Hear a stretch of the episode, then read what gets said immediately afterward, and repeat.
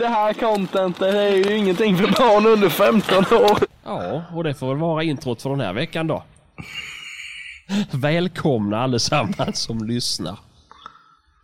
Uh, just det, jag ska börja den här podden med att säga att uh, det här avsnittet kommer innehålla en viss ironi.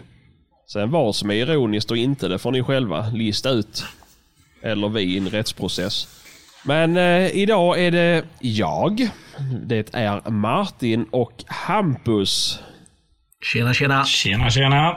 Och vi har även med oss en gäst idag. Bam, bada, bam, bam, bam. Jaktvloggen. Jonas. Hallå, hallå. Hej. Rävarnas stora skräck. Flickornas Ja, det vet jag inte. Jag tycker den här säsongen har gått eh, bedrövligt dåligt. Eller ja. Jag tycker varje år bru- brukar kännas som att det går dåligt och sen när säsongen är över och man kollar tillbaka så har det gått helt okej i alla fall. Hundarna i alla fall har åstadkommit någonting och kommit framåt. Du har ju filmbevis på alla dina jakter så det är ju bra ju. Då kan du se tillbaka och, och minnas att det var kanske inte så dåligt som vi trodde att det var. Nej, precis. Och sen finns det ju vissa av filmerna, de håller man gärna för sig själv också. Vill jag även ta med lite dåliga sekvenser. Eller ja, dåliga sekvenser. Sekvenser där det går dåligt och där man kanske inte skjuter alla rävar. Nej, men det hör väl också till vardagen.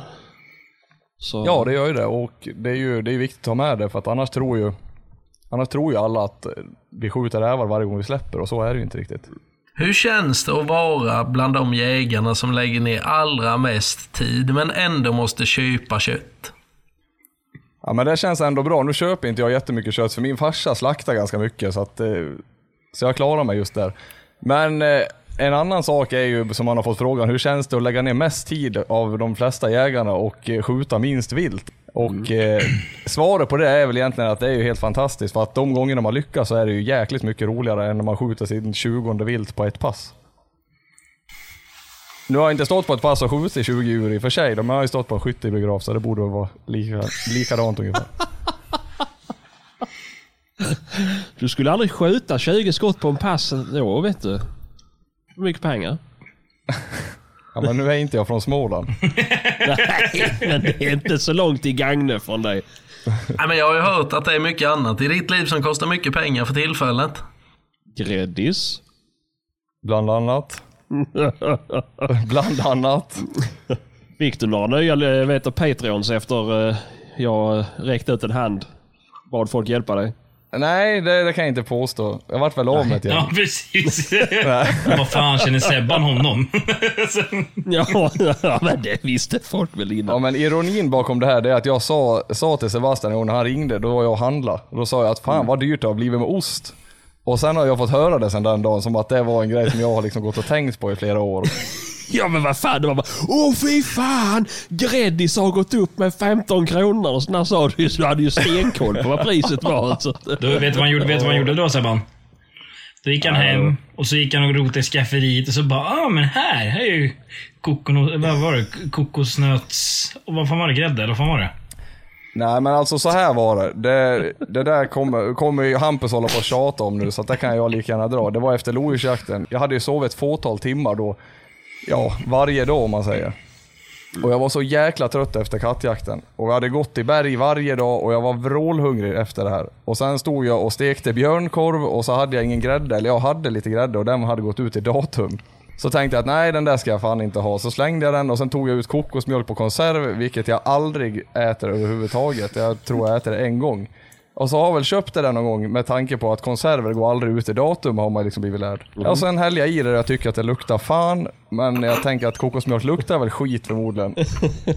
eh, så jag häller i det här i, alltså själva björnkorven och det här andra jag har stekt luktar ju fantastiskt. Och sen häller jag i det här och blir det ju att lukta, ja inget bra helt enkelt. Sen äter jag det där ändå för jag är så jäkla trött och hungrig. Och det slutar ju med att eh, jag mår inte jättebra efteråt och sen kontrollerar jag datumet på den där dagen efter och den var fem år gammal.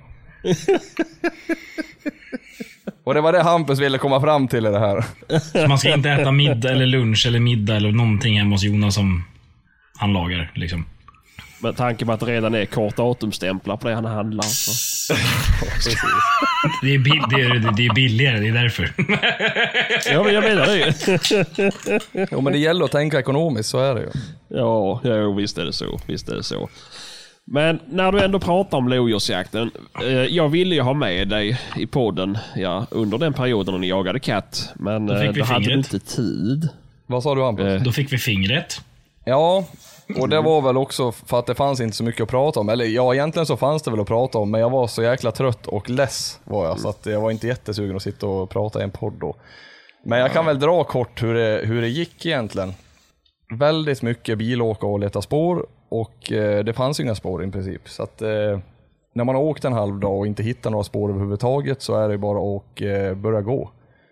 Mm. Och i och med att vi då från och med dag tre eller fyra var det, då har vi haft skare då eh, hela nätterna så att det gick ju liksom inte att se några spår. Så då tog jag och gick över berg, de bergskedjorna som jag tror att det ska finnas några lodjur i. Eh, och går och försöker stöta ut något lodjur åt något håll då helt enkelt. Då är det ju så att då får man ju alltså gå när det har börjat blivit tö på dagen och sen får man hoppas att man stöter ut en katt och sen när man har gått över de här bergskedjorna så får man även- slå en ring runt bergen för att se om någonting har gått ut. Och det, det tar ju mycket tid och det tar jävligt mycket energi också. Därför var jag jäkligt trött och varje dag så gick jag ju tom. Och då gick jag ju utan hund också för det var ju fortfarande lite skare så jag ville inte förstöra någon hund heller. Nej, det gick, det gick jäkligt segt. På premiären där så sköt vi en katt efter ett eh, jäkligt dåligt hundjobb så det var väl, ja det vart en katt men det var, det var inget att hänga i granen. Sen eh, dag, jag tror att det var dag åtta eller nio tror jag. Då var jag till en kompis, tanken var att vi skulle dit från början och jaga men eh, jag tänkte att det skulle komma snö så jag spårade av min egen mark först, hade ingenting. Eh, då hade de haft en synops på morgonen som de, någon, ja det var en kompis som provade en, en ung hund på den då. Eh, som fick lite stryk och vek ner sig så att eh, efter ett par timmar var jag där och så provade vi att släppa på Walter och Eskil då. Så då tog de upp och det visade sig ligga två i upptaget där så att de eh, slog en ring, eller ja de gick isär i, ovanför ett berg och sen gick de ihop i nederkant där så att eh, slog några bukter, det gjorde de väl egentligen inte i början utan de drog ett raksträck och sen kröp ena katten. Och sen vart Eskil kvar i den branten så fortsatte Walter med nästa katt. Jagade den i ungefär två timmar och sen eh, då sköt jag den på bakspår. Då. Och det var jäkligt roligt för att när, vi, när jag var ditbjuden så jag tror alla hade en jäkla rolig dag och alla fick höra drev och nej men det var skitkul var det. Så det vart ju väldigt lyckad, lyckat avslut i alla fall. Kul. Ja, jo nej men det var kul och sen Eskil är ju så jäkla lustig på det där viset för han vill verkligen jaga, om han tar upp ett djur så vill han jaga det djuret. Som i det här fallet så tog han upp honan och Walter tog upp ungen. Eh, om man säger att det var dem de gick efter i upptaget eh, när de splittade. Och Eskil grytade ju då, eller de grytade ihop, för de gick ihop och drev hela vägen dit. Och då grytade ju Eskils katt, alltså honan, den som han hade tagit upp. Och då står han kvar där trots att Walter slår en ring runt där, fortsätter driva ifrån Eskil. Så han står ändå kvar i det här stenröset och nitar det här grytet, så det är rätt så kul. Som lite flyt hade vi fått båda två, men det hann ju bli fullskjutet istället. Jaha. Ja, ja, men vad fan, det får du vara nöjda med. Det var väl ett bra hundarbete? Ja, men det var det absolut. Nej, men det var superkul. Och sen nu pratade jag med dem här för inte så länge sedan. Eh, han som bjöd dit oss då, Per. Eh, Jag tror det var fem eller sex vargar i det där berget nu, som, eh, där jag hade sköt katten för Walter. Då. Så det är, man får ju ha, man får ha lite flyt också. Att på vissa marker har vi jäkligt mycket varg och då är det inte superkul att släppa hundarna. Nej, inte ett dugg. Men hur tänker du där nu då? Jag tänker du bor ju ändå där det finns. Ja, Ja, alltså just- barmarken är ju en, en skräckblandad förtjusning kan man säga. För att jag menar, när hösten kommer in så är man ju supertaggad att jaga och eh, då får man ju försöka ha kameror ute hela sommaren och se på viltväxlar och annat och försöka hitta, har det blivit en föryngring i något område eller känns det som att det är relativt lugnt? Men det är först när snön kommer som, som vi verkligen har koll på det. Eh, och då försöker man ju inte jaga där det är massa vargar då såklart. Nej, men givetvis, givetvis. Vad har ni haft några synops under jakt då? På varg? Ja, det har vi väl haft. Det har vi väl haft, eh, absolut. Som regel på de markerna som jag har jagat här mest i alla fall, där, eh, där har vi som regel bara enskilda individer som går igenom och det brukar ju vara fjolingar då. Jag tycker i alla fall att under, om man säger höst, förvintern eller sådär, så känns det relativt lugnt. Det, det blir värre sen när vi kommer fram till, om man säger parningstiden, då, då är det som att de blir lynnigare och de blir, de blir farligare helt enkelt. Det är min erfarenhet i alla fall. Men ni har inte haft några hundar som har blivit tagna där uppe vid er eller? Eh, Alltså som du har varit med och jagat vidare då? Nej, jag har inte varit medverkande i någon jakt där hundarna har blivit tagna, det har jag inte. Eh, och sen kan man ju alltså, det är ju många som tänker att åh nej, vi har en varg i vårt område här, eller vi har en varg på vår mark, det går inte att jaga här nu några veckor. Men alltså vi har ju haft varg i många, många år så att eh, då får man ju lära sig att jaga med det också. Och jag menar så länge man har enskilda individer så har vi ju en träningstid på varg, om det är nu från första december till sista januari tror jag. Jag kan ha fel där, men under den tiden så får man ju faktiskt träna då och, på varg. Så att eh, gör man det med hundar och man gör det korrekt så att det löper ingen risk för hundarna egentligen om man går upp vargen i snö och sen släpper man två hundar på en varg. Men då, då, då har jag aldrig hört talas om att det ens ska hända någonting. Eh, då den vargen lär sig att den inte ska jaga hundar, att, det, att den blir jagad helt enkelt. Och den vargen kommer ju som, ja, till större chans, eller till större risk att den inte kommer ta hundar i alla fall, kan man väl säga.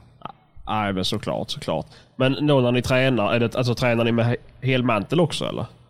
Nej, det gör vi inte. Och det har ju varit sådär, det har ju varit en diskussion då om när man tränar på varg, ska man ha med bössan överhuvudtaget eller ska man, eh, ja för det kan ju faktiskt eh, då hända en, en paragrafsituationer och så vidare. Jag pratade med Länsstyrelsen om det här idag.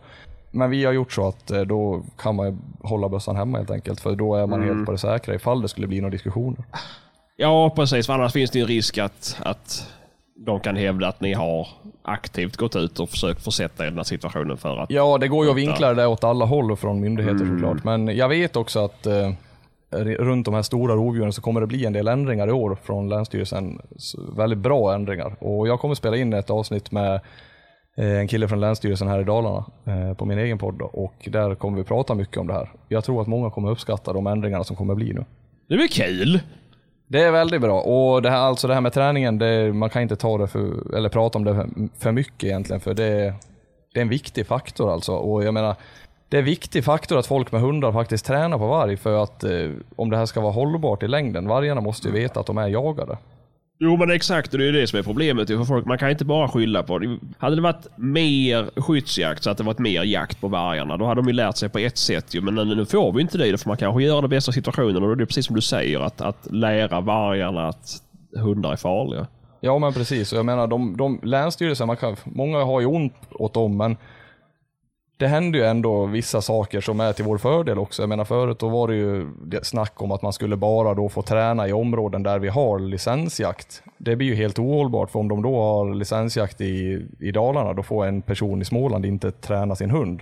Jag menar då kommer den hunden aldrig kunna komma fram och bli en hund som man kan använda på en licensjakt. Så att, eh, Nej. men idag får man det. Jo men såklart.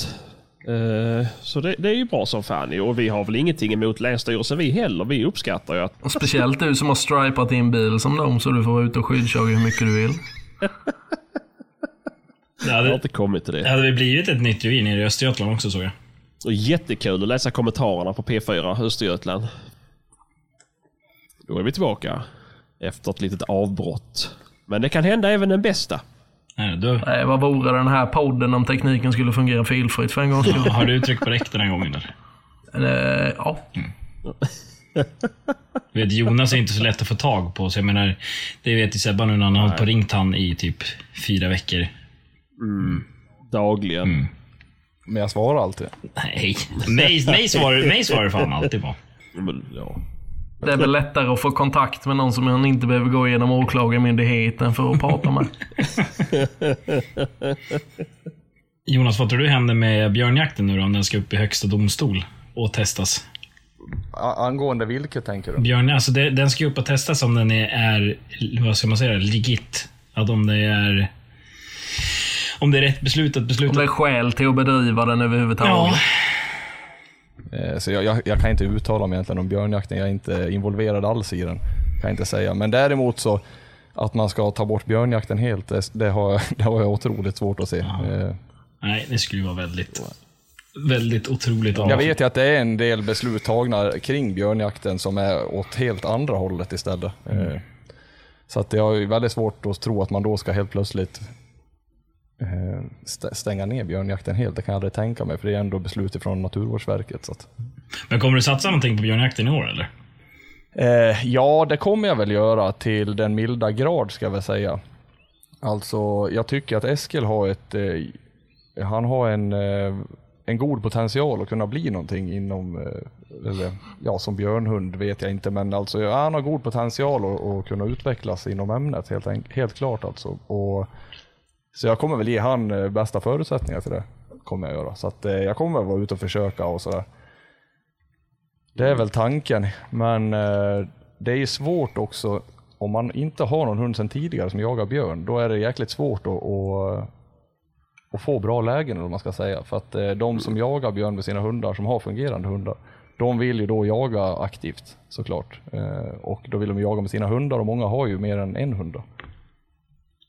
Och I min närmaste umgängeskrets ska jag säga att det är ingen som har någon hund som funkar någonting på björn. Så är det någon där ute som har en jäkla massa bra björnhundar så kan de ju hojta till. Ja, vad har ni så mycket björn vid dig då? Nej, vi har ju inte det. Och det är väl en anledning också till att liksom här omkring vi, mina vänner har ju heller inga hundar och det är, vi har ju ja, ett fåtal björnar alltså. Det är ju det är absolut inga mängder. Nej. Nej, det, då blir det ju också svårt. ju. Det är som vi pratade om, ja, det var väl något avsnitt sen, ju, att det är, det är svårt att skaffa en hund för någonting man inte kan jaga aktivt jättemycket. Ja, precis. Jag menar som efter björnjakten till exempel, då har man ju sin tid att träna på björn om man, om man vill Ja. och har möjlighet. Då. Så att, ja, men eh, exakt, men det kräver ju exakt. då att man ska ha eller björnar också. Ja, jo, men exakt. Och det är det svårt. Det är, det är liksom... Ja, men det är som de söderöver som skaffar björnhundar. Det blir jättesvårt ju. Alltså, Ja, det, det är såklart. Och jag menar björnarna, om man kommer i de områdena som det finns vildsvin och björn. Jag menar många söderut, de jagar ju även vildsvin med sina plottar. Det är ganska vanligt och då, jag menar man löper även en risk att kunna få upp gris då på de markerna som det är mycket vildsvin. Nu har vi varken Ja. mycket vildsvin eller björn just här då, men eh, norrut så finns det ju både mer vildsvin och björn. det är väl... Ja. Det är väl klart att folk får chansa att prova. Men det är väl ett, ett långkort. Och nu kommer jag på att eh, det är inte alls något avsnitt sen som vi sa det här. Utan det är ett avsnitt där vi inte spelade in. Eller någon av oss inte spelade in. Martin. Och det kanske, vi kanske kan släppa det på Patreon. Ett helt tyst avsnitt. ja, nej, jag, har, jag har det inspelat. Har jag. Det hade ändå inte varit det sämsta avsnittet vi hade släppt. Nej, men det hade ju, nej, men det hade ju varit ett avsnitt för döva. Teckenspråkstolkat. Ja, Det vilken jävla travesti att sitta och lyssna på er två när ni pratar med mig i tysta. Ni får gissa vad Martin säger. Det blir som fylleriövning man fick göra på mellanstadiet. Ja, just det. Ja. Eller som fröken gjorde åt er kanske. Jag vet inte. Jag satt mest i ett rum i ett hörn på mellanstadiet och tittade in i väggen. Det gjorde den Jonas också. Ja. Och så fick man Jag studsar springa runt byggnaden. överallt. Ja, ja, och nu tar du ett varv runt skolan Sebastian. Så att, eh, Mm, vad var det för planer nu man då? gör det ganska ofta. ja. Men det måste väl vara asma att ha ADHD när man jagar gryt, tänker jag. Men Jonas gräver inte. Jag tycker det är bra att ha det lite oavsett, ska jag vilja påstå. Det finns väl sina fördelar och nackdelar helt klart, men eh, att besitta mycket energi, det, det kan behövas ibland. Men sen kan det ju även vara så att eh, folk med ADHD, det är ju ganska många då som inte har ett jättelångt tålamod och det matchar ju inte jättebra med rävjakten istället. Eh, till exempel injagning av stövare. Men då får man ju övergå till det här att man kanske har väldigt starkt fokus på att lyckas med det istället.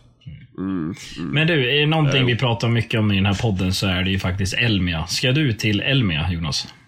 Ja, det är många som eh, frågar om jag ska på Elmia faktiskt och eh, jag säger som jag har sagt till alla andra att det är min absoluta tanke. Eh, även om jag har inte bokat än. Så att jag ligger lite efter i tid och det har väl att göra med att jag har haft lite mycket att göra sista tiden. Men eh, min absoluta tanke är att komma på Elmia.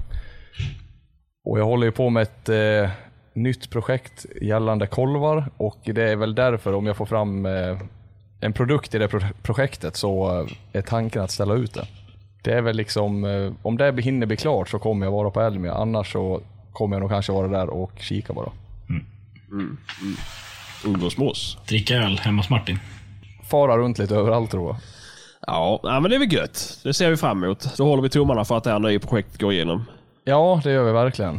Eh, Men det är som allting, det tar längre tid än vad man tror att det gör. Eh, Jag har hållit på i ja, drygt ett år nu med det här och eh, jag hade ju hoppats att det skulle vara klart för nio månader sedan.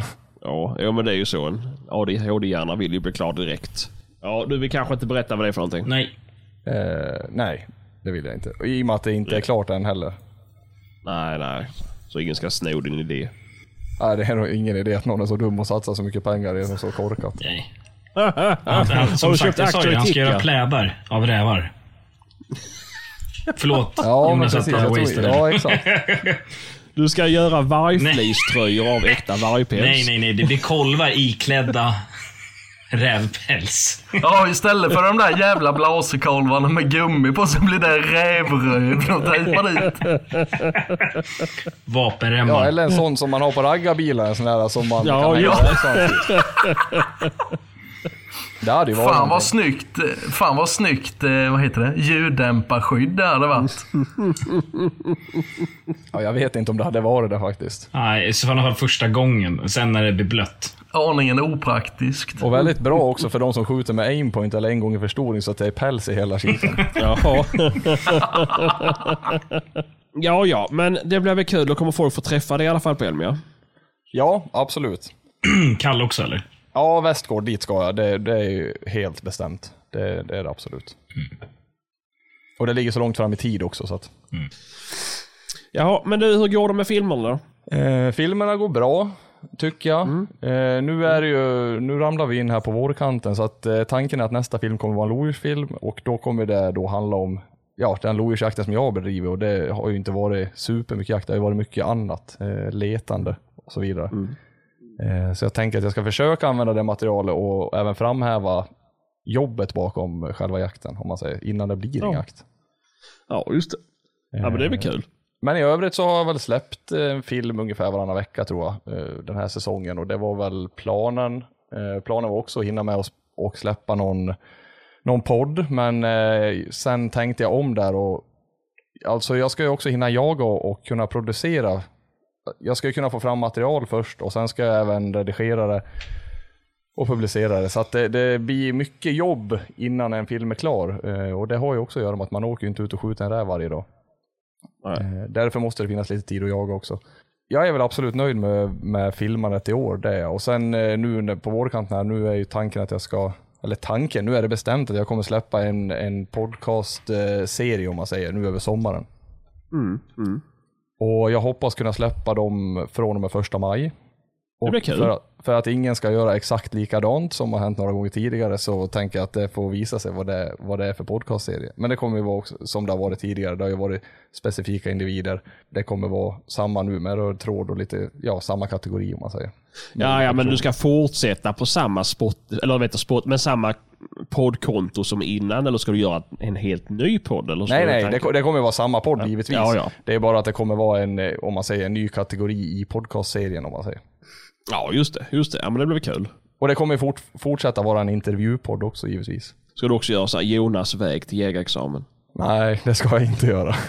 Du kan väl intervjua Fredrik, den gamla poddmedlemmen, och fråga hur det går för de icke-binära jägarnas kamp i Ghana?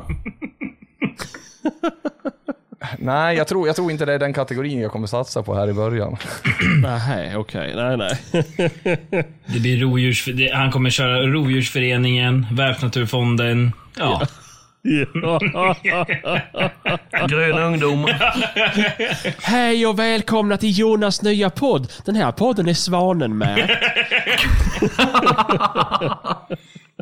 Utan att, eh, utan att eh, nämna några namn eller sådär så finns det ju de som, är, som inte är helt sams inom jägar-Sverige. och Det ser man ju på sociala medier och, och Facebook på lördagskvällar etc.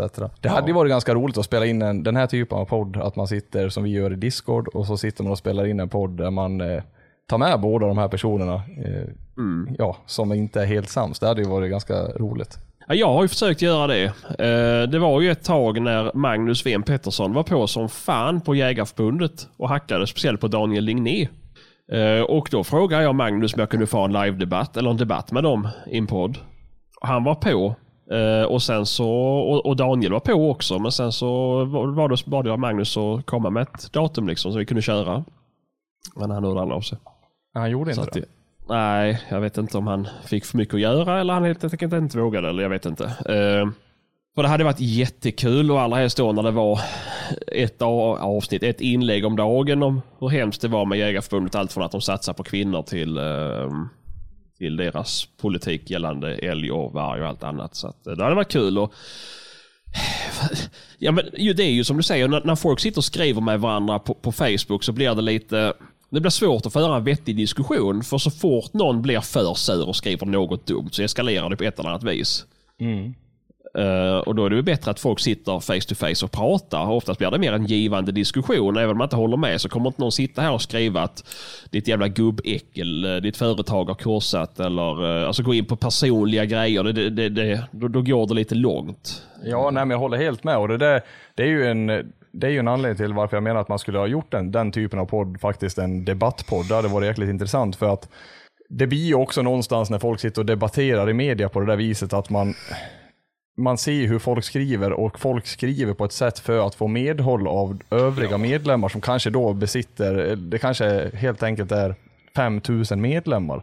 Och då helt Ja. plötsligt så är det några tusen medlemmar som är med och skriver och hoppar på den ena personen. Jag tycker det blir helt fel. Utan då är det bättre att man sitter Jo, face men- to face och vågar man inte göra det då ska man ge fan att debattera på Facebook också tycker jag. Nej, men faktiskt så det, är jävligt rätt i. Eh, och allra helst det här att, att du kan få medhåll från folk som kanske har ett personligt ogillande av den andra. Alltså du vet, då, då har du valt sida redan innan debatten har dragit igång och det skulle Nej, man men jag göra. håller helt med där. Det skulle, det skulle man haft för det jag känner, jag blir fan förbannad bara jag tänker på det. Det, det, fin- det är så jäkla mycket skitsnack inom det här jägarkåren alltså så att eh, Alltså den här avundsjukan, att så fort någon lägger ner tid på någonting och lyckas, eh, då är alla helt plötsligt avundsjuka på att den har gjort det. Då ska det snackas skit om att den personen har inte alls gjort det och den personen är så här och det, alltså alla blir ju avundsjuka. Det är ju det som det liksom grundas i. Jo, det är väl klart. Det är Eh, och väl då klart. är det ju många Må- gånger de här mycket. personerna också som ligger hemma på soffan för att de tycker att, ja vad de nu tycker. Och jag menar där hemma, där skjuter man inga djur. Så enkelt är det och man får inte fram några Nej. hundar heller för den delen. Nej, absolut. absolut. Och det är det ju, så, så, är det ju när det gäller mycket. Ju. Mm. Vet, åh, hur, kan, hur kan man lägga så mycket pengar på jakt? Hur kan man lägga så lite pengar på jakt? Hur kan man jaga så mycket och kan man jaga så lite? Alltså vad skit i det. Jag såg faktiskt ett inlägg här på Facebook, eh, ja när det nu var, det var, jag undrar om det var under lovisjakten eller om det var innan. Men då var det någon som skrev att de tyckte att det var för dyrt med hundvalpar och eh, ja, var- varför ska man betala så dyrt? Vi är väl ändå jägarkompisar, eh, vi, vi ska väl hjälpa varandra. Och jag, jag tänkte det. nästan det att Alltså när, när det fasen vart liksom jägare kompisar, det är det sjukaste jag har hört. Ja, alltså, jag, jag tror att om man bara har rätt inställning så kan man nog få hur många kompisar som helst. Men om man går in med armbågarna utåt och ser sig själv som störst, bäst och vackrast och har jag, jag, jag kan allt, jag vet allt, ja då kommer man få några kompisar. Lite som Hampus. Ja, jo precis. Caroline betalar ju oss för att sitta och prata med honom. Det är en jävligt lönsam deal än så länge. ja. Men sen, sen det är väl inte jättemånga som armbågar sig in, skulle jag säga, i alla fall inom jägarvärlden, och säger att de är störst, bäst och vackrast. Däremot så är det folk som påstår sig kunna, när de inte kan ett jävla skit. Jo, Men, men, sånt men, är jag ändå tacksamt för. Oftast så gör ju de sig väldigt, eh, de är ju väldigt bra på att, att marknadsföra sig själva på ett eller annat vis. Och det syns ju direkt när det är någon som bara snackar. Ja. Jo, jo men absolut. absolut. Jo, men, men jag menar så här. När folk ska lägga sig i en diskussion till exempel och så kommer man in och så beter man sig som att man, man kan verkligen allt i hela världen. Det är det jag menar med att armbåga sig in. Men det du sa där att eh, det lyser igenom ganska omgående på, ja, man säger okunnigt folk som ska, ska berätta hur man ska jaga. Det, det är där faran sitter, tycker jag i alla fall. Och det har ju att göra med att om du jagar mycket, du, du, jag menar du kommer ju kanske se det där rätt igenom på en gång. Men eh, det, vi har ju väldigt mycket nyexaminerade jägare också och för dem så har det ju att göra med att jag menar, de ser en, person, en profil på, på sociala medier som gör på ett visst vis och då, då tar de, de lärdom av det. Och jag menar, det är ju jättefarligt för nyexaminerade jägare. Det är det, det, är det, Jo, men det är väl klart. Ja, det, är där, det är där faktiskt som Jonas som jaktfilmsproducent faktiskt är jävligt duktig. För han förklarar, du förklarar ju jävligt bra på dina filmer oftast att så här gör jag för att jag tycker det är bra. Alltså ofta, det finns ju profiler som inte förklarar ett jävla skit utan det är typ så det går till i deras värld. Ja. Men, ja, men lite så. Och det är klart att alltså så här, fel kan alla göra, absolut. Ju. Men det, är, det, viktigaste är ju bara att man förklarar att det här är fel. Nu gjorde jag fel. Eller om det är på gränsen, så att det kan vara en vattendelare och säga att så här gör jag för att jag tycker att det här fungerar för mig. Det behöver inte fungera för alla. Och det är ju lite, och där är det ju precis som inom hästvärlden, barnvärlden, allting. Går du in och säger att så här ska man göra för att uppfostra en hund. Ja, då kommer du få 5100 mothugg för att du gör fel. influenser rent allmänt måste ju vara jävligt, alltså måste tänka efter. För att det är ju många som inte gör det. Som inte fattar att de ändå blir en förebild. Det verkar ju inte gå, här, gå in hos folk. Ja, men, men ta oss till exempel. Tänk Ja, det är inte- väl ingen risk att någon kommer se oss som förebilder precis. Nej, men eh, nu menar jag kanske snarare att folk skulle ta oss seriöst. Ja, det Tror jag det? inte de kommer göra heller. Nej, jag tror inte det. Eh, vi, vi har seriösa inslag i den här podcasten, till exempel nu. I övrigt så har vi, ser vi mycket, mycket skit alltså. Eh, och jag tror att folk fattar skillnaden i och med att vi försöker vara en komedipodd. Eller ja, komedi, men en roligare podcast. Och det är väl det som är svårt om du går ut och släppt liksom 50 seriösa filmer, sen gör du en som ska vara lite på skoj, lattjo. Ja, okej. Det här var kanske... Det, det, det, då kan det ju helt plötsligt uppfattas som fel.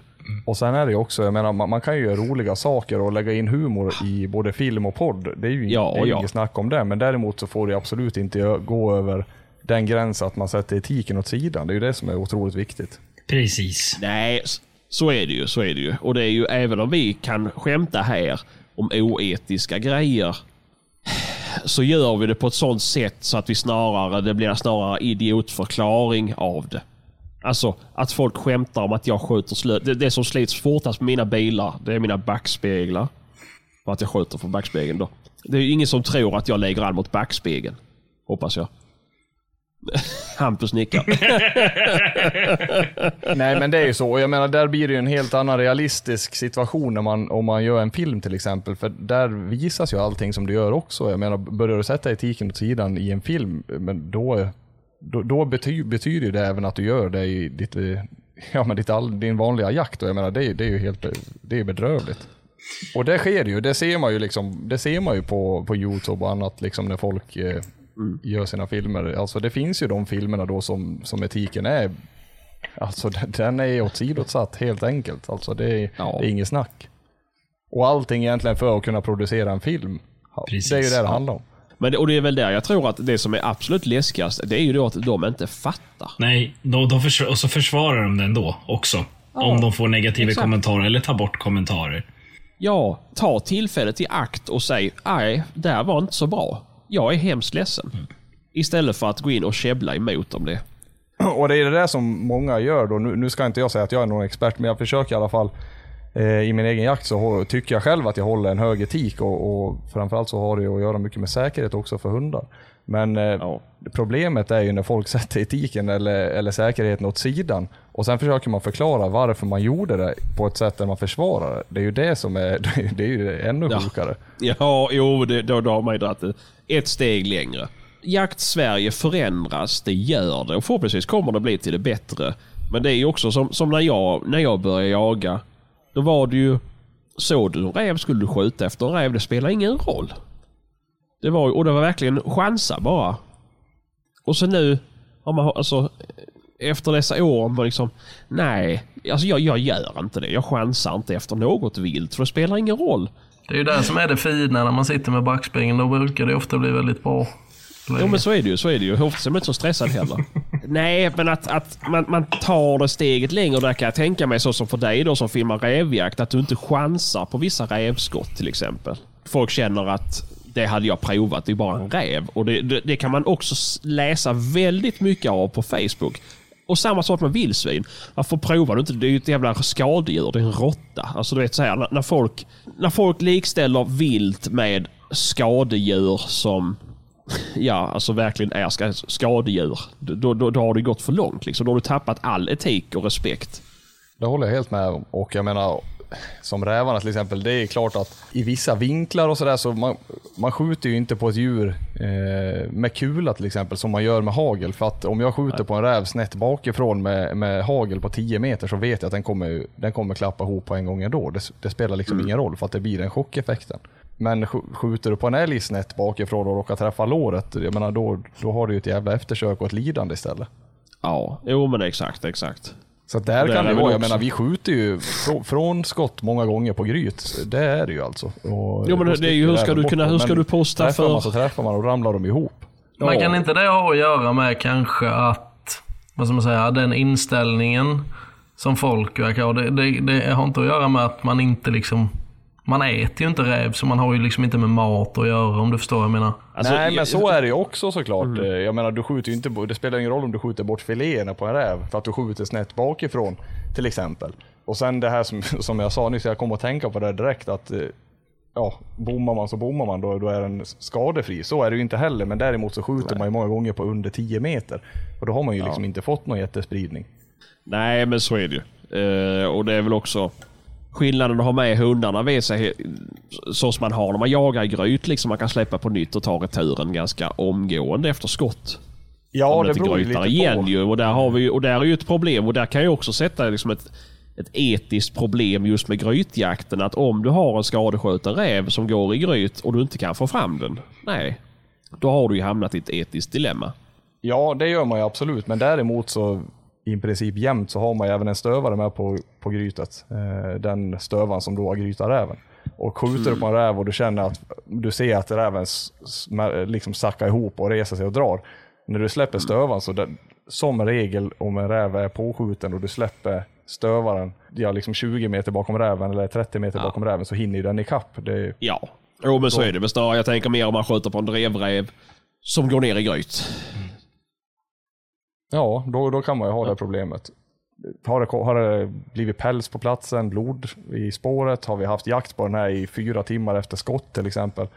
Sådana saker får man ju avväga då om eh, verkar den här skadad eller inte. Och jag menar, det finns ju åtgärder att vidta vid den, vid den, om nu räven skulle bli påskjuten och den går ner i ett gryt, vi får inte ut den. Ja, men sätter man en kamera, det är ju ett perfekt ställe att sätta en kamera, kolla när räven går ut, och dit och släpp igen. Jo, men såklart. Och så ställer man sig på det passet, och, eller på det, på det grytet. För ja, det är inte omöjligt att räven kommer gå tillbaka till just det grytet. Och det har ju att göra med att du har varit där med en terrier. Du har inte fått ut räven, han vet att han är trygg i det grytet och till stor risk kommer han springa tillbaka dit. Och då står man där, så skjuter man räven. Och det fina med rävjakten är att du får jaga dygnet runt. Och typ halva året i stöten. Ja, men där vart vi av med lite grann nu faktiskt. Eh, det här året. Ja, Tyvärr. just det. Men ja, sen fick vi ju vårboxjakten och det är ju jävligt mycket värt alltså. Nej, jävla piss. Hampus är ju en rådjursförvaltare så han tycker väl att det är fantastiskt att alla guldbockar skjuts bort i, i maj istället. Ja, Ja, men, alltså, har vi är, är man krass, skulle, det, det är så här, skulle man sköta avskjutningen, då skulle det inte spela någon roll att skjuta en guldbock i maj. Men eftersom folk... Alltså när man ser folk som säljer bockjakt i maj, då förstår man att förvaltning... Alltså jag, jag säger visst, de kan absolut förvalta, men när det är liksom... Man ser att det är ganska små marker och skit och sen så ska de sälja jakt och det ska komma åtta jägare och jaga på 100 hektar. Då förstår man att det finns ingen förvaltning där. Skillnaden med att skjuta överskjuta på hösten kontra överskjuta på våren. Nej, men det spelar ingen roll. Det är det att du, kan ju, du har ju två tillfällen per år då att mangla ner bockar. Förstår vad jag menar? Det är det som är problemet. Säg att du, har, säg att du själv har 1000 hektar och sen har, är det någon som har eh, 50 hektar eh, liggandes bredvid. Och sen så går de ut på maj och skjuter fyra bockar på de här 50 hektaren då. Du jagar inte i maj. Och sen så går de ut i augusti så skjuter de fyra bockar till. Alltså, man överskjuter hela tiden på den här lilla marken. Det, alltså, istället för att de kanske bara jagar i augusti och skjuter fyra bockar då. Förstår du vad jag menar? Det, det kommer ju bli en, Ja. en slakt på bockarna. Jo, men såklart. Men, men alltså, alltså, den slakten har vi redan idag på allt vilt. Jo, jo ja, Eh, ja vi, absolut. inte har, men vi har ju inget krav. Vi har ju ett krav på mark att det ska, det måste, vi får inte skjuta mer än vad det föds och vad marken kan bära och bla bla bla bla bla. Men det finns ju ingen som kan sätta dit dig. Nej, nej, nej, nej, nej, Men jag tycker, jag tycker fortfarande det finns ingen... Vårboxjakten har ju noll betydelse.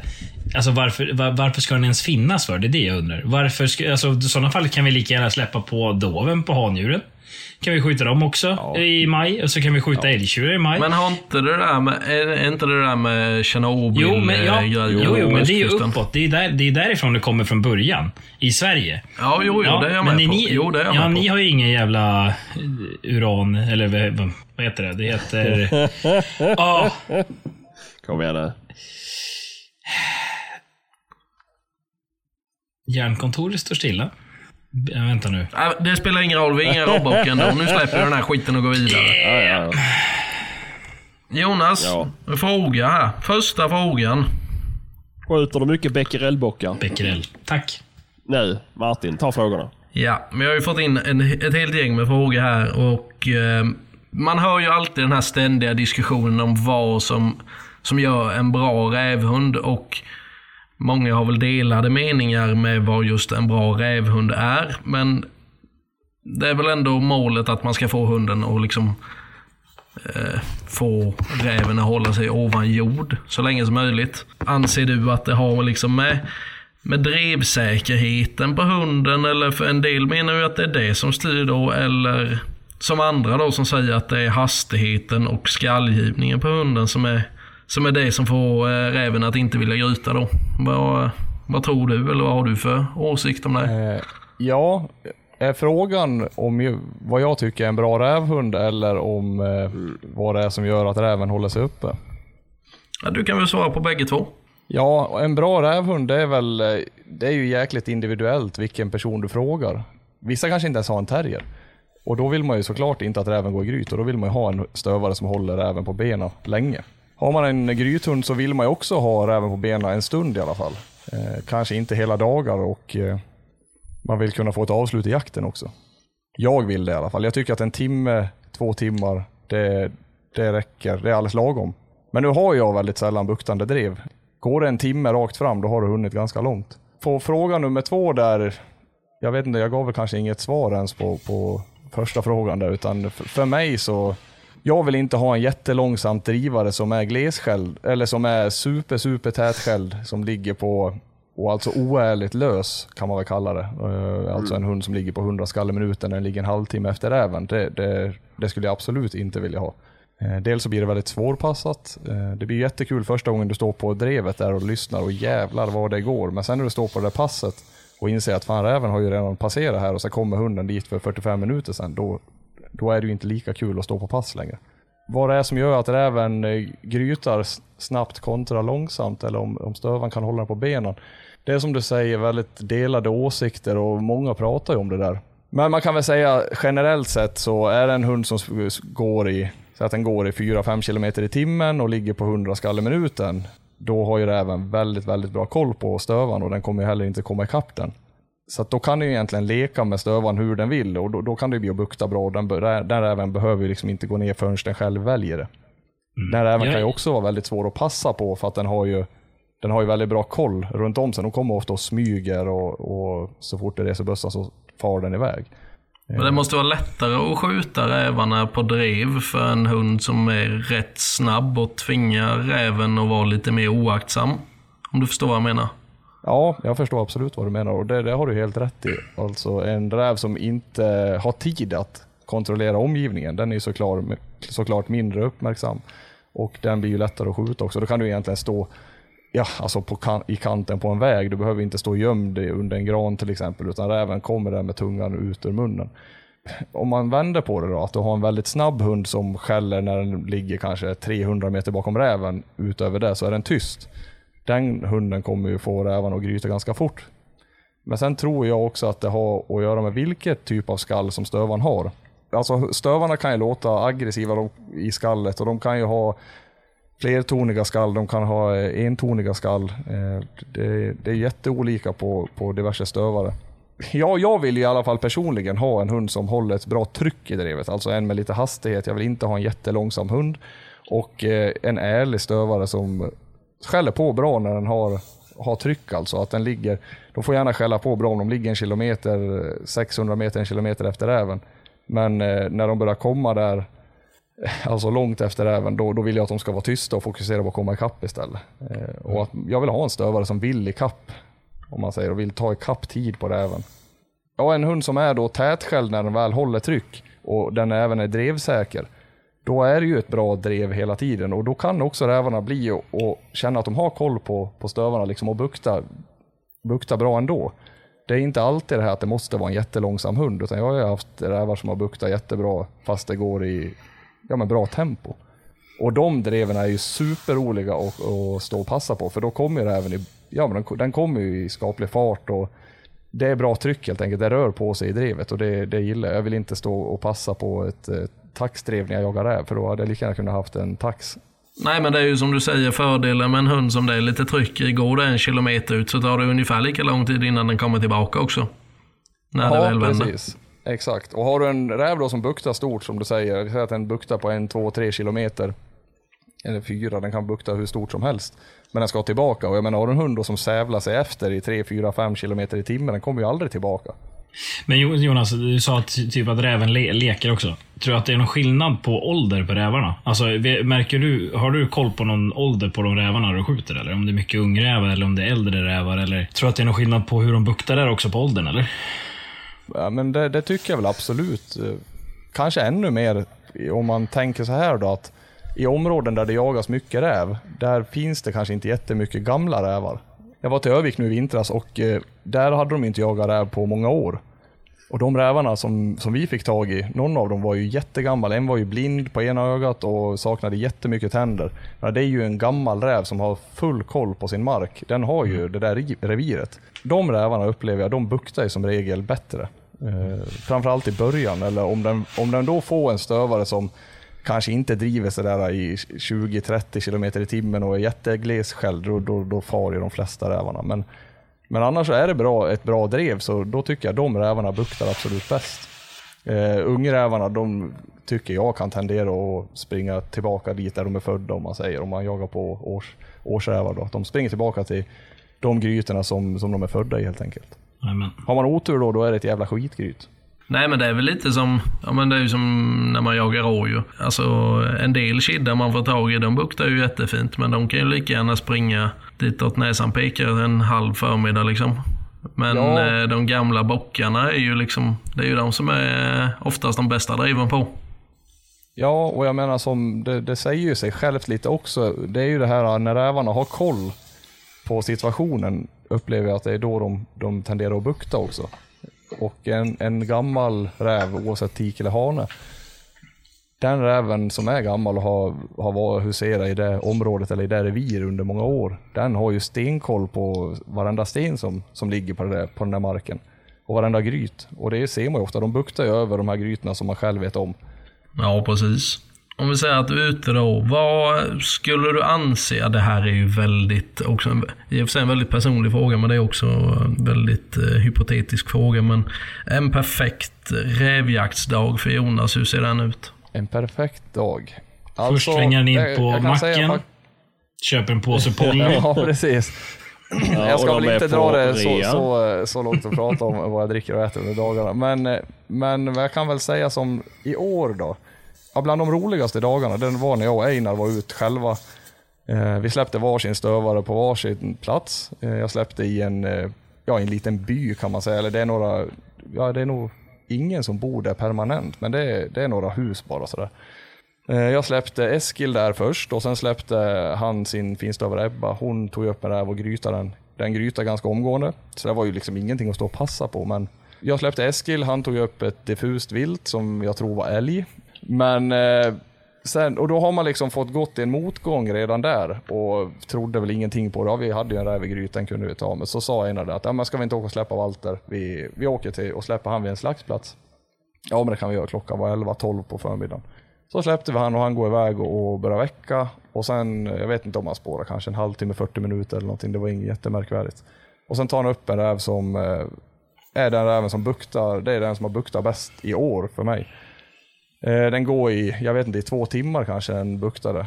Eh, nu buktar den stort då, så den buktar först i ett område i, där det var jätteblockig terräng. Och sen böt den området till ja, ett jätte, jätte, jättebrant berg. Och innan vi tog oss dit då, så hade den väl i princip valt att bukta färdigt kan man säga. Einar stod inne där och passade ett tag, eh, men sen grytade då. Och det var riktigt så här idyllisk miljö inne där, eh, alltså gammal skog, jättegammal skog och, och eh, nej, det var jätte, jättefin miljö inne där och då for vi först upp dit då, för i och med att Einar var redan där, så jag gick över, upp dit med våfflan. Mm, så sköt vi den där efter kanske, jag vet inte, 20-30 minuters grytjakt kanske. Och det var, ja, men det var en, ja, det var en så här lagom grytjakt, den tog lagom lång tid. Det var, terriern skötte sig och ja, det var frid och fröjd. Det var ett snabbt, jättesnabbt skott vart också, så att, eh, det var inget, inget lätt skytte. Och sen tar vi oss ner till eh, den här räven som Ebba har gryta då och eh, får krångla ganska länge innan den väljer och, eh, och ta sig ut. Då. Och den kommer ut i, den kom ut i, i hålet en gång, så hon eh, springer tillbaka in och möter den och trycker tillbaka den och sen då kan rävarna bli alldeles som omöjliga att få ut. Så det var ett tag att, äh, ja man fan, snart så hämtar vi en av Einars terrier för han har ju förliggare då. Eh, och så gräver vi ut den här räven. vi hade spettat och grejer och räven flyttade sig bara fram och tillbaka i det där grytet. Eh, vägrade lämna. Så då tar han våfflan, går till bilen och eh, det blir ett hundtrick då. Eh, och ska hämta sin eh, foxterrier Torsten då, som vi ska gräva ut räven med. Och när han är då ute vid bilen då kommer räven som skjuten ur en kanon, kanon så skjuter jag den. Och det var ju alltså en superrolig dag. Jag, eh, allting var liksom, allting gick bra, lite krångel och det är väl det som är kul. Det, det ska krångla lite grann och ändå så lyckas man till slut. Det är väl det som är jäkligt roligt. Det är En sån man jaktdag, ja, en sån jaktdag är det absolut bästa. Det ska jävlas lite och sen när man väl lyckas, då smakar det så jävla gött sen på kvällen alltså. Ja. Jo men så är det väl lite med allt. Och jag kan säga att jag hade en räv som, som lurade mig den här säsongen totalt. Eh, eller mig och mina kompisar. Jag släppte på en vändplan och jag fick upp jäkla samma räv. Jag tror det var fyra eller fem gånger på, fick jag upp den där räven. Och den, eh, en gång då stod jag, jag släppte Walter där, sen gick jag rakt in till ett jättestort gryt, ett 10 meter djupt. Eh, det är ju inget att släppa någon terrier i. Eh, så står jag där och passar och han går och väcker och väcker och väcker och det är säkert en och en halv timme och det var så jäkla kallt så jag tänkte till slut att nej, jag lär röra mig så jag började gå eh, för att få- upp värmen. Och när jag kom ut till en grusväg så tänkte jag att ja, men jag kan ta pass här istället för räven har kutat här lite grann. Då hör jag hur räven springer och skäller ifrån, eh, ifrån stövan då, i det här området. Det var jäkligt häftigt, bara att räven springer och skäller. Så jag hör så tydligt hur den springer upp på det här grytet och står där och skäller. Eh, och jag vet ju att jag hade skjutit den då om den hade kommit, även om det inte var ett upptag. Eh, det hade jag gjort. Men eh, hur som helst så kände jag att äh, det spelar ingen roll, jag kan skjuta den där på drev sen, vilket jag inte gjorde. För jag gick in och ställde mig där på grytet sen och passa. Och drevet gick i, jag tror, tre och en halv timme i det där berget utan att komma ner på det grytet. Så jag tänkte, vad fan. Tills jag drog därifrån och eh, skulle gå upp till Walter och gryta det precis det gryt som jag hade stått på. Och det där hände liksom åtskilda gånger. Alla gånger som jag stod på det grytet och jag lämnade grytet så grytade räven i det grytet. Alltså det var så jävla otroligt. Och det var nästan som personligt till slut. Så, och då kände jag så här, okej, men nu vet jag att nu kommer jag kunna skjuta den här räven på det här grytet, 100%. Jag bara ställde en, en kille på det här grytet, gå och släpper. Och då valde jag att släppa Eskil för jag ville väldigt gärna att det skulle bli en drevräv på han. Ja, räven springer ju liksom spikrakt. För jag slog någon bukt, sen sprang det spikrakt till det här grytet. Jag tänkte nu smäller, nu smäller. Men Eskil han drev ju runt det där grytet och förbi och iväg.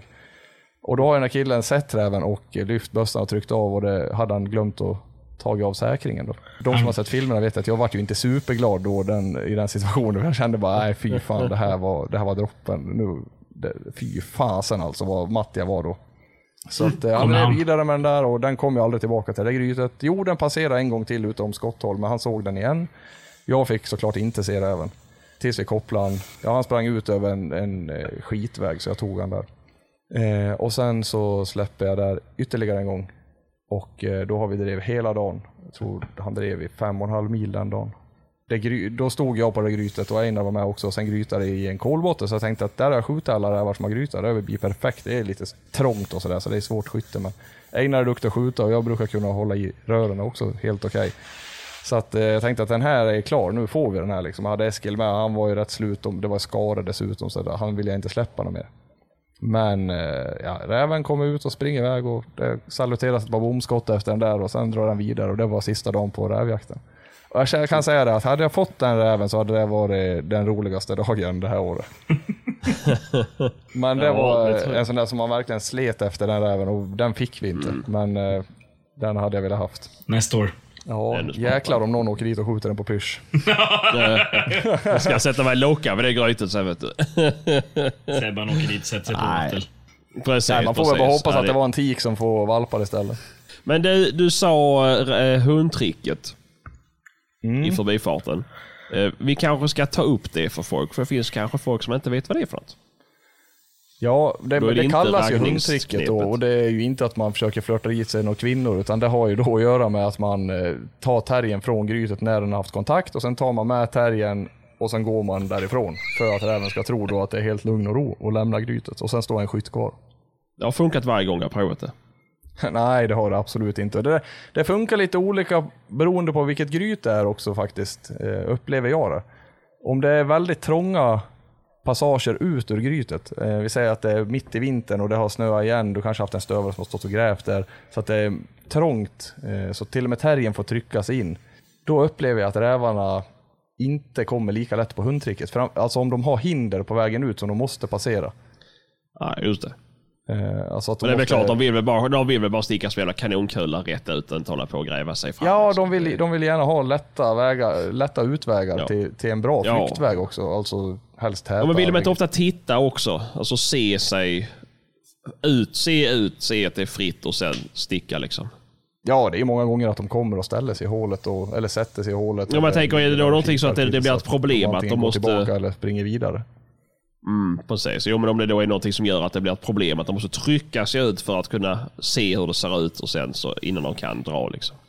Ja, och det, det är även, även om det är sådana där trånga passager inne i grytet har jag upplevt att eh, vissa rävar, eller att rävarna lämnas sämre helt enkelt. på Och det har ju också att göra med, vi säger om det är en blindgång, alltså att det är en enkel pipa in till en räv som ligger i en blindgång. Och där mellan hålet och blindgången så har du en eh, förträngning kan man säga. Det. Säg att det är en spricka, en skreva i ett berg till exempel. Eh, där upplever jag också att rävarna, då ligger de hellre kvar i den där, eh, i den där blindgången än att de lämnar. Ja, bra. Då fick vi sagt det så folk eh, lär sig någonting också.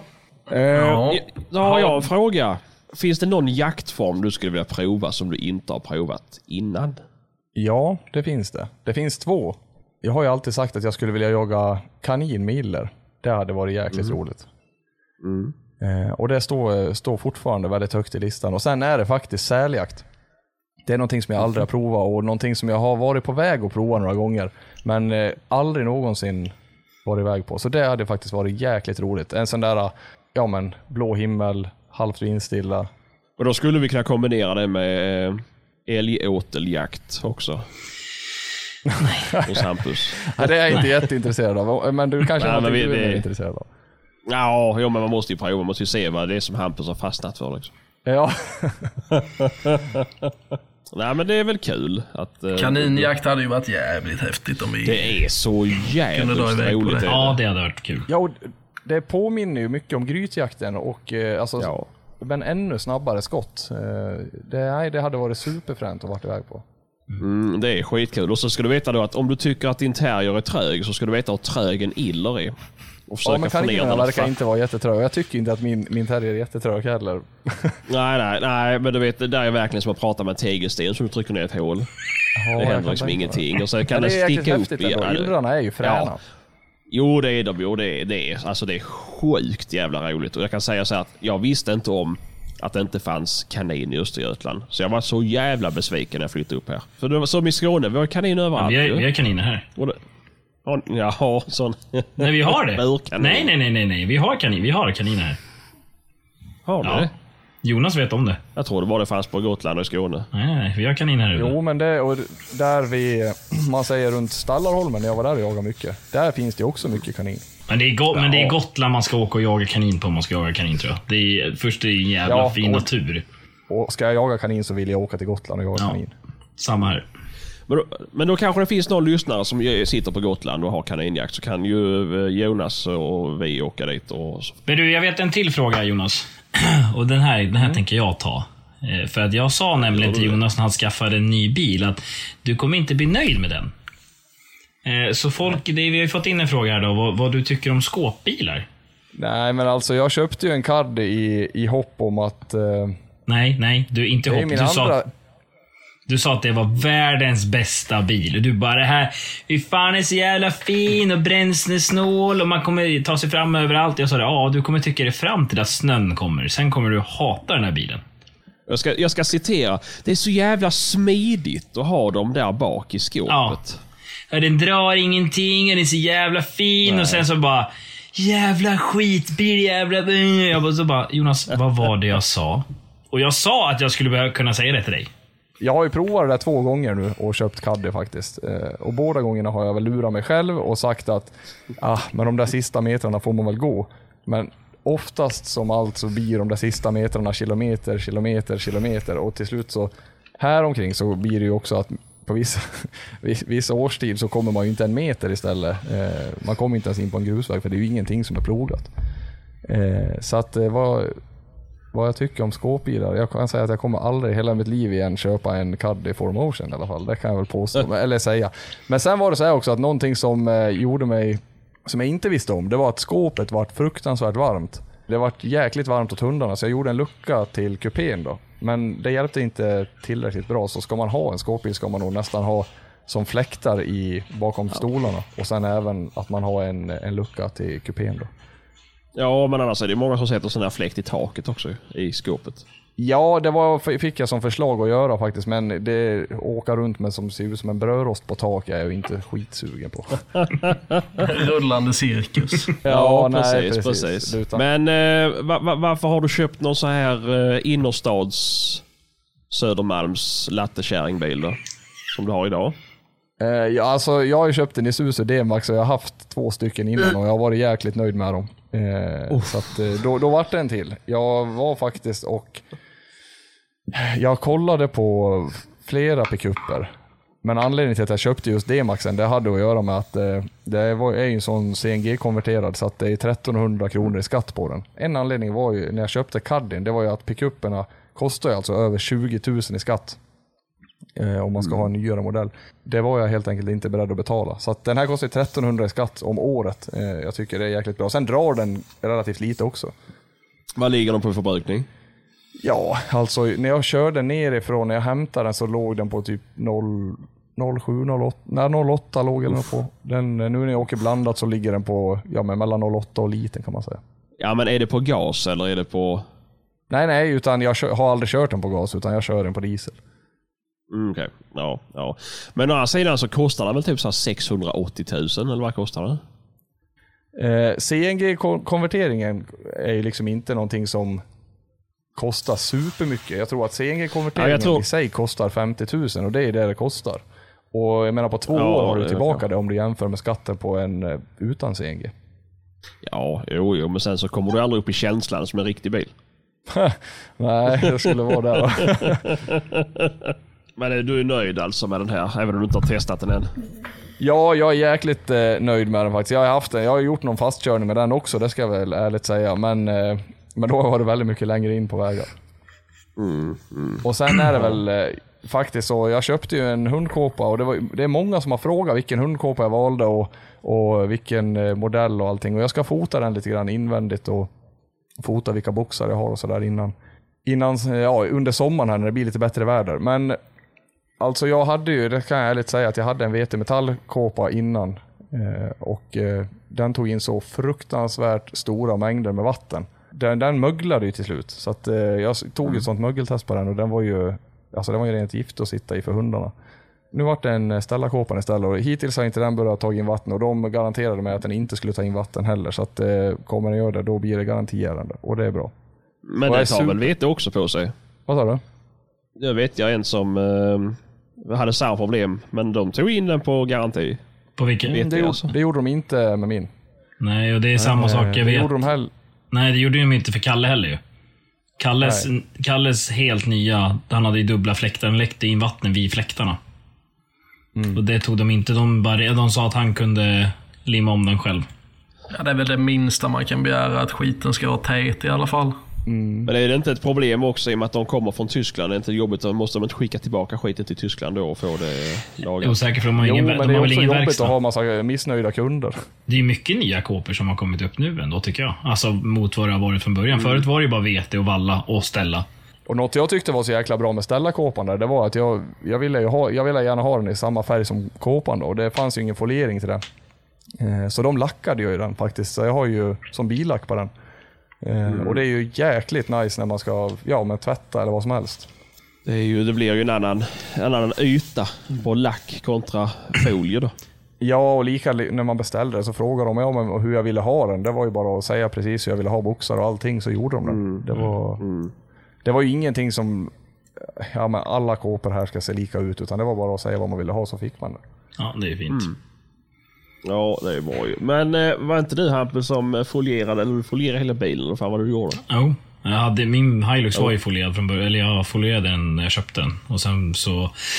Efter jag hade tvättat den en gång på självmack, gör självmacken på OK så såg den ut som att den hade gått genom en kross ungefär. Eh, För den var helt sönderrepad och då visade det sig att folien var helt slut. Så då, fick jag, då folierade jag om den. Jaha, det var därför du Ja. ja. foliera om den? Ja, alltså folien var slut. Den var, upp, den var uppäten. Jag hade tvättat i fel avfettningsmedel. Så att avfettningsmedlet Oj, oj, oj, hade ätit upp folien. Så det var, där, var därför jag folierade om den. För den såg, den såg, det, så det spelar ingen roll hur mycket jag tvättade den så såg den färgjävlig ut. Vi folerade ju min kåpa. Eh, Jag byggde ju min kåpa själv ihop med en kompis. Köpte ju stommen bara. Eh, Men det kan jag ju varmt rekommendera människor att foliera inte när det är fyra minusgrader ute om man har druckit åtta öl. Det är därför du bara har tre fingrar på en hand. Det blir lite bubbligt. Det är tur det finns klistermärken som kan lösa sådana saker. Ja, men de sliter du bort. Ja. Ja, ta inte på dina jävla hivklistermärken. Det finns ju fan några gränser. Men Jonas, eh, hur tycker du säsongen har varit för Valle och eh, Eskil då? Man kan väl säga att eh, säsongen har varit helt tvärt emot vad, vad jag hade tänkt mig. Alltså Walter, han har gått som tåget eh, hela säsongen egentligen. Han hade två veckor tror jag som han hade något riktigt bakslag, men utöver det så har han gått eh, riktigt bra. Han har jagat i princip bara räv hela säsongen. Jag har haft noll upptag på katt på frisök med han för första gången av alla år som jag jagar med han. Och det har väl att göra med att jag jagar på marker som det inte har varit lika mycket lodjur och eh, även att han har ett väldigt mycket starkare rävintresse nu. Han har jagat tre harar på hela året, eh, som han har brutit själv dessutom. Så att han, eh, han har funkat klockrent och eh, jag tror inte att jag har, bortsett från de här eh, felstegen, så tror jag knappt att jag har haft ett släpp med han i år utan att han har antingen ja, hittat slag i alla fall eller, eller tagit upp räv. Då. Så att han, har, han har gått jäkligt bra han gjort. Eskil däremot, som, som visade, han hade sin första säsong förra året och eh, visade sig jättelovande. Och halva den här säsongen så har han egentligen bedrivit skit. Gått fruktansvärt dåligt och gett, inget fokus överhuvudtaget. Jag var jäkligt bekymrad över det där och hade en tanke att det hade att göra med björnjakten.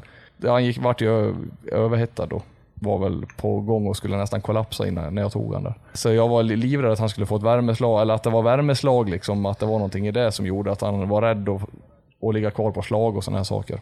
Jag har haft mycket teorier kring det och, och funderingar, men eh, det har väl visat sig också att han, han har väl haft sitt ungdomliga iver liksom och har varit i någon mognadsfas den här säsongen. Eh, för sista två månaderna på, på den här säsongen så har han gått, har han gått jäkligt bra. Han har gjort eh, riktigt, riktigt fina slagarbeten både på katt och, och räv då, och varit envis. Och det har ju varit hans, var ju hans signum liksom förra året att han var ju fruktansvärt envis på slag. Jag kunde ju släppte, jag släppte ju han ofta runt lunch hela förra säsongen. Jag tror knappt att jag, slä, jag tror inte jag släppte han innan tio en enda gång förra säsongen. Och han tog ju upp räv nästan jämt. Eh, gick och nötte och nötte och nötte. Han, jag vet han gick en gång i eh, totalt i sex timmar och efter tre och en halv timme på slag så drev han iväg 100 meter ungefär och gick tillbaka till löparen och fortsatte väcka. Så jag var tvungen att gå dit och kolla och då låg det, hade det legat tre kronhjortar i löparen. Då han drivit iväg dem i 100 meter, gått tillbaka och så fortsatte han väcka. Eh, och sen tog han upp den räven som vi sköt. Då. Så att eh, han gick ju jättebra förra året men eh, hade ett starkt bakslag i år. Han kom tillbaka och gjorde det, gjorde det bra på, på slutet här och visade att det finns hopp till nästa säsong, så det är bra. Ja, det är kul. Har du några nya valpar på gång? Ja, jag har väl eh, nå- någon tanke om hund i alla fall. Eh, Förra året var det helt klart att ska jag para Eskil, då kommer jag ta en valp av han direkt.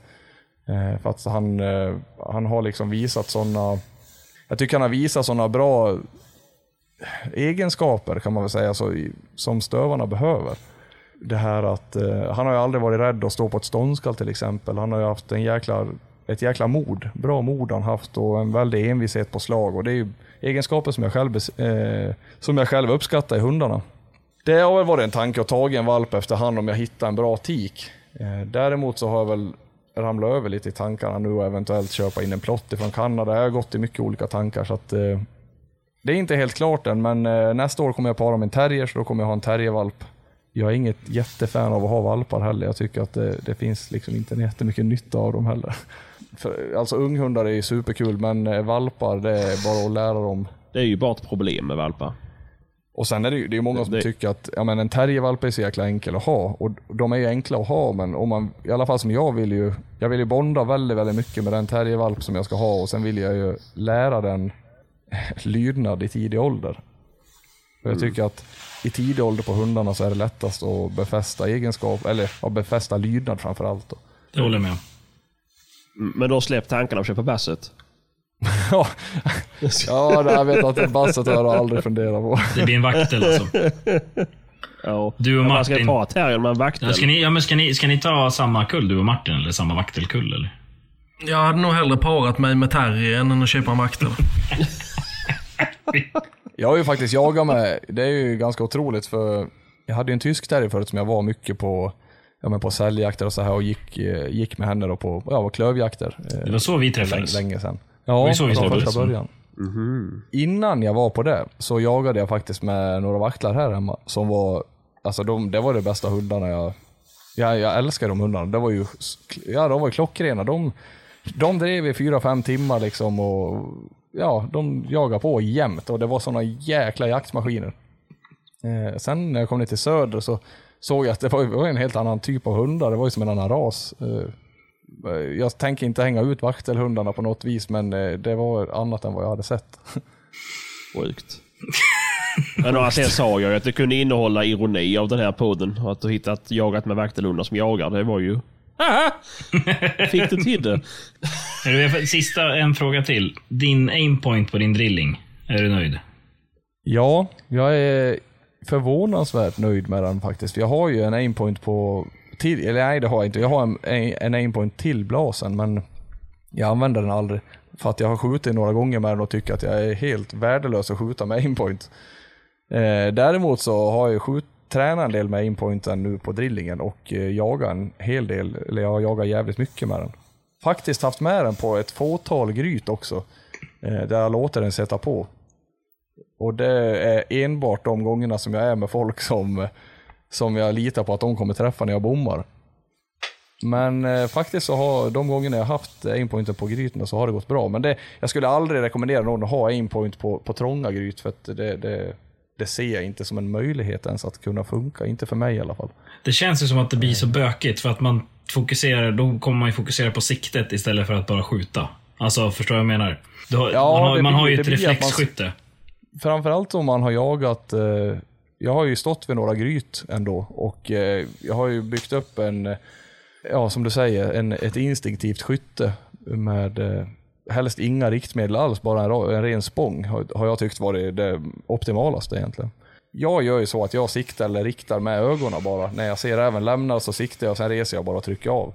Men när jag har aimpointen så ser jag, jag har ju sett på filmer och märkt på mig själv att då blir det ju det här att då svingar man ju med även och man behöver lite tid att komma ikapp och trycka av. Men på drev så, alltså den är ju oslagbar alltså, tycker jag. Kul. Och sen har jag snabbfäste till den ska jag säga. Eh, Som de gjorde på Lock and Load i Lanna i Örebro. Eh, Där Magnus där, vapensmeden, är superduktig och han, jag lämnade bara drillingen till honom och sa att jag har en aimpoint här och jag vill att den ska kunna sitta här med ett snabbfäste. Så gjorde han att det funkar. Det är skönt. Det är fan vad folk kan trolla med silvertejp alltså. Ja, ja precis. Det är bara att ta av och på den här tejpen. För svar på frågan så är jag, jag är jäkligt nöjd med den aimpointen faktiskt. Men eh, det enda jag skulle vilja ha till den då, det är ju en kolvkampshöjare. Det fixar Du Sebban. få det från fabrik? Ja för fan, kommer sen sätta den i bandsågen. På tal om silvertejp. Ja. Precis. ja men kunde du inte beställa det direkt från fabrik? Eller det går inte. Ta- Du köpte väl en ny? Ta med bössan till Elmia så fixar Sebban det. Men det kan jag säga, för det är, jag får mycket frågor faktiskt om det där med drilling och, och brytvapen och eh, alltså hagelvapen överhuvudtaget får jag faktiskt en hel del frågor genom åren nu. Eh, hade jag köpt en drilling idag, eller om som många frågar vad de ska köpa för drilling eller vad jag har använt för drillingar, så alltså Merkel 32, det är ju en superdrilling alltså. Och hade jag haft Helt rätt. Alltså hade jag stått där idag och valt drilling och köpa en, eh, ja, om jag skulle köpa en drilling idag så hade jag köpt, jag hade ju en Merkel 32 när jag köpte min. Men då hade jag köpt en Merkel 32 och så hade jag kapat piporna bakom eh, eh, borrningen om man säger. Eh, jag hade gjort den så kort som det gick. Och sen hade jag bara skjutit ammox på drev och sen hade jag skjutit, ja nu får man ju inte använda bly, men i, i det här fallet när jag köpte min då så hade jag använt spridarhagel då, på gryt. Och sen hade jag haft snabbfäste till aimpoint för att skjuta ammoxen med då. Det tycker jag är den absolut ultimata lösningen till en eh, bra budget. Och, det, och jagar man bara småvilt så kan man ju gå ner på de billigare drillingarna som inte är klass 1 också.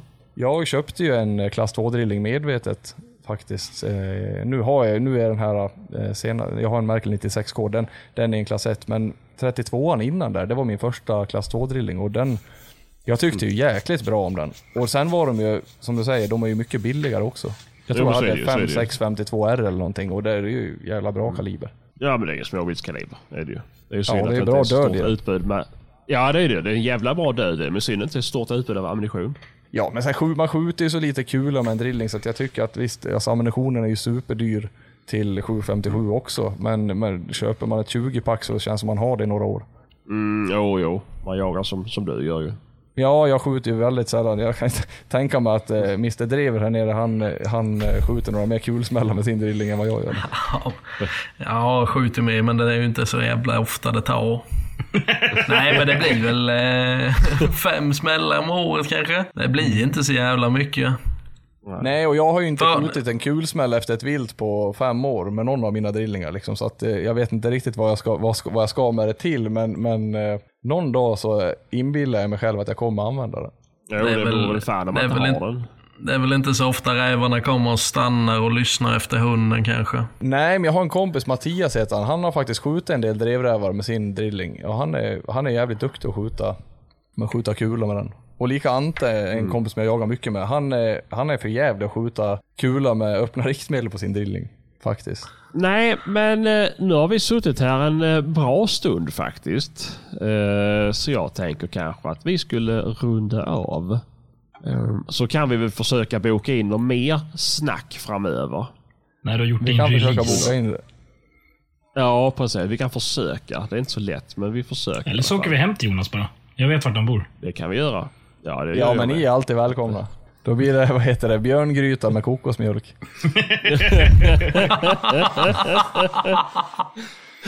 Jag kan ta med. Jag, jag har fem år, alltså surströmming som gick ut för fem år sedan. Jag har det i kylen. Jag kan ta med det. Ja, jag kan säga att eh, nu är det några veckor sedan och eh, det är väl typ nu jag har blivit bra i magen efter det. Och det är, säg att det är tre, fyra veckor sedan det där hände. Då ska du få färskmat. Men skitbra. Tack för att du ville vara med och det ska bli skitkul att träffas på Elmia igen. Det var ju ett tag sedan vi såg senast. Ja, det ska bli jäkligt roligt. Det var länge sedan. Vi såg sist på Skokloster. ja, precis. Ja, just det. Det- När du sköt Nej. grovkalibrigt. Jajamän, jajamän. Det var kul. Eller, Träskorna står kvar men inte Sebban. Nej. Ja men du sköt ju med Ja, den men jag körde- 3006 då ju. Ja, precis. Precis. Men jag körde. Ja. Jag körde gungstolen, så att, eller gunghästtekniken, så att det gick faktiskt ganska bra. Men eh, nej, men det ska bli kul. Vi ska nog kunna styra upp något jävligt roligt på mässan nu med.